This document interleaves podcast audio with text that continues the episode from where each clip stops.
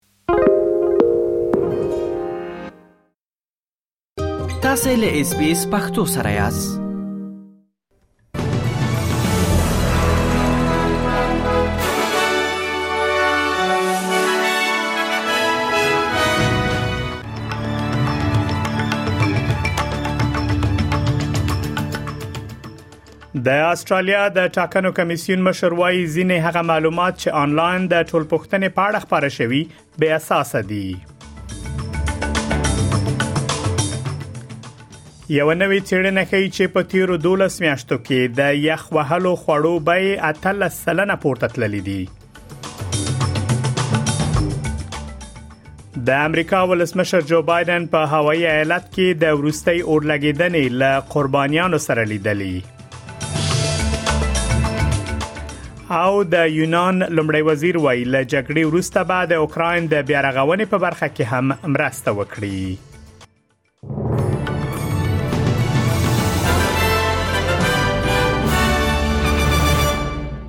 اوس هم پام وکړئ بشپړ خبرونه ته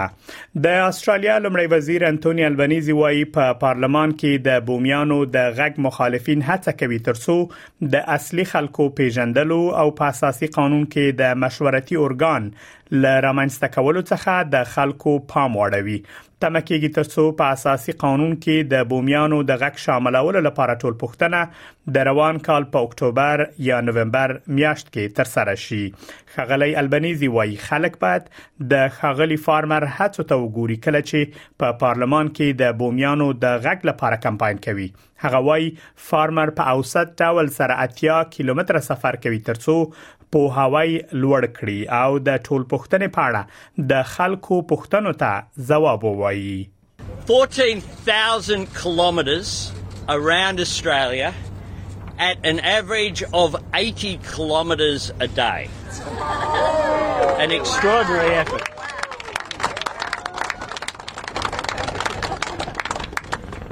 Pat Farmer and his team have been raising awareness, talking to people about what this referendum is about. د استرالیا د ټاکنو کمیسیون مشر وایي ځینې هغه معلومات چې آنلاین د ټول پښتنې په اړه خبره شوی بې اساس دي د استرالیا د ټاکنو کمیسیون مشر ټام راجرز ای بي سي شبکې سره په خبرو کې ویلي چې د ټاکنو کمیسیون په ټول هیواد کې د تعلیمي کمپاین په پیل کولو سره د ریفرندوم پروسې په اړه د غلطو معلوماتو په لری کولو تمرکز کوي هغه وایي دا تر ټولو لوړه کچه غلط معلومات دي چې آنلاین یې ګورو او لیدل کېږي چې دغه غلط معلومات د لوړېدو په حال کې دي I think it's the highest level of mis and disinformation we've seen online, and this includes at the last election, by the way, not just for this referendum. It really does seem to be on the increase. To contextualise, again, you know, it's a most Australians do the right thing. The vast majority do the right thing. It's a small number, and some of it, um, you know, is is genuinely a misunderstanding, but some of it is deliberate. And Patricia, some of it is bonkers. So uh, it's sad. د متحده ایالاتو ولسمشر جو بایدن د هوایی په ماوی ټاپو کې د ورستۍ اورلګیدنې ژغورونکو ته ویلي چې فدرالي حکومت به تر هغه وخت پورې له ټاپو سره مرسته وکړي چې د دې ټاپو خلک ورته اړتیا ولري خغلی بایدن او د هغه میرمن جیل د لاهینا له خارګوټي څخه لیدنه کړې چې په اور کې ویجاړ شوی او یو سلو څوار لسو کسانو خپل ژوند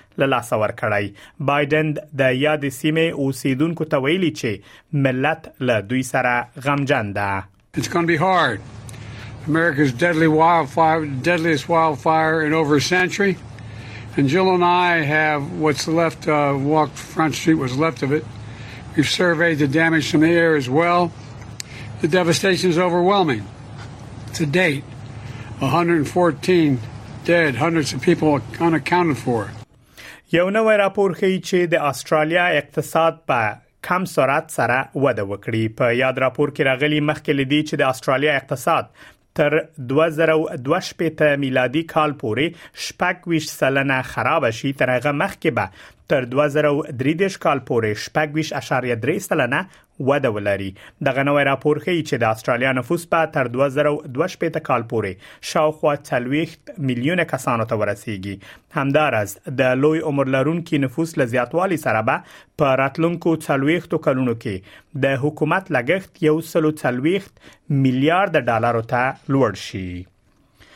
د ډیکن پوهنتون لخوا تر سره شوې څېړنې ښیي چې د یخ وهلو خوړو بیې په تیرو 12 میاشتو کې 13 سلنه پورته تللې دي د یاد پوهنتون د روغتیا برخې انسټیټیوټ د 28 شیانو بیو ته کتنه کړې او موندلې دي چې په تیرو 12 دوه کلونو کې بیې 10 سلنه پورته تللې دي د جکن پانتون ډاکټره کریستینا زوربس ای بي سي شبکې ته ویلي چې اوس د دې وخت دی ترڅو حکومت لاس په کار شي some sort of national nutrition or food strategy and plan where we have these regular check-ins and monitoring of the system. د یونان صدر اعظم کریاکاس میتوکاس ژمنه کړې چې له اوکرين سره به پوځي ملاتړ ته دوام ورکړي او له جګړې وروسته به د بیا رغونې په برخه کې مرسته وکړي د اوکرين له ولسمشر ولادیمیر زيلنسکي سره د خبرو پر مهال د یونان لومړي وزیر وړاندیز کړی چې یونان کولای شي د اوکراین د جنگي پیلوټانو پر روزنه کې مرسته وکړي ولسمشر زيلنسکي له دوه اړخیزې ناستې وروسته د بالکان مشرانو په غیر رسمي غونډه کې هم ګډون کړی دی د یونان صدر اعظم ویلي یونان به د نظامی مرستو ترڅنګ له جګړې وروسته د بیارغونې پر مهال هم حضور ولري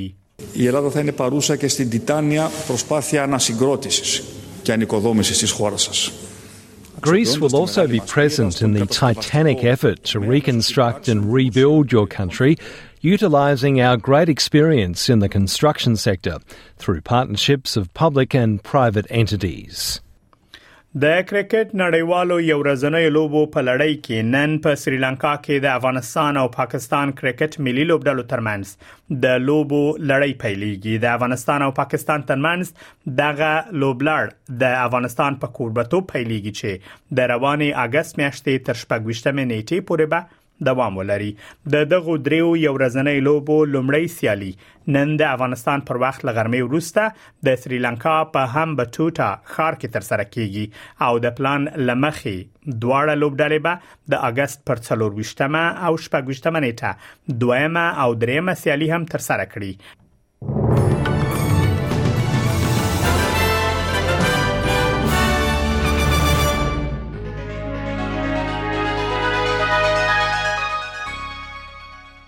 اوس هم پام وکړئ د هوا حالاتو ته په سیدنی کې نیمه ورځ د تودوخې لوړه درجه څلور ویشت په ملبون کې د باران امکان شته د تودوخې لوړه درجه 15 په برزبن کې لمر د تودوخې لوړه درجه شپږ ویشت پرت ښار کې وریز د تودوخې لوړه درجه اتلس په جلیټ کې باران د تودوخې درجه اتلس په داروین کې ډیری لمر د تودوخې لوړه درجه 33 کانبرا کې وریز او باران د تودوخې لوړه درجه 13 په نیوکاسل ښار کې ډیری لمر د تودوخې لوړه درجه 15 او له استرالیا څخه بهر په کابل کې ډیری لمر د تودوخې لوړه درجه 12 او ټیټه 15 په پیښور کې هم لمر د تودوخې لوړه درجه 19 او ټیټه 9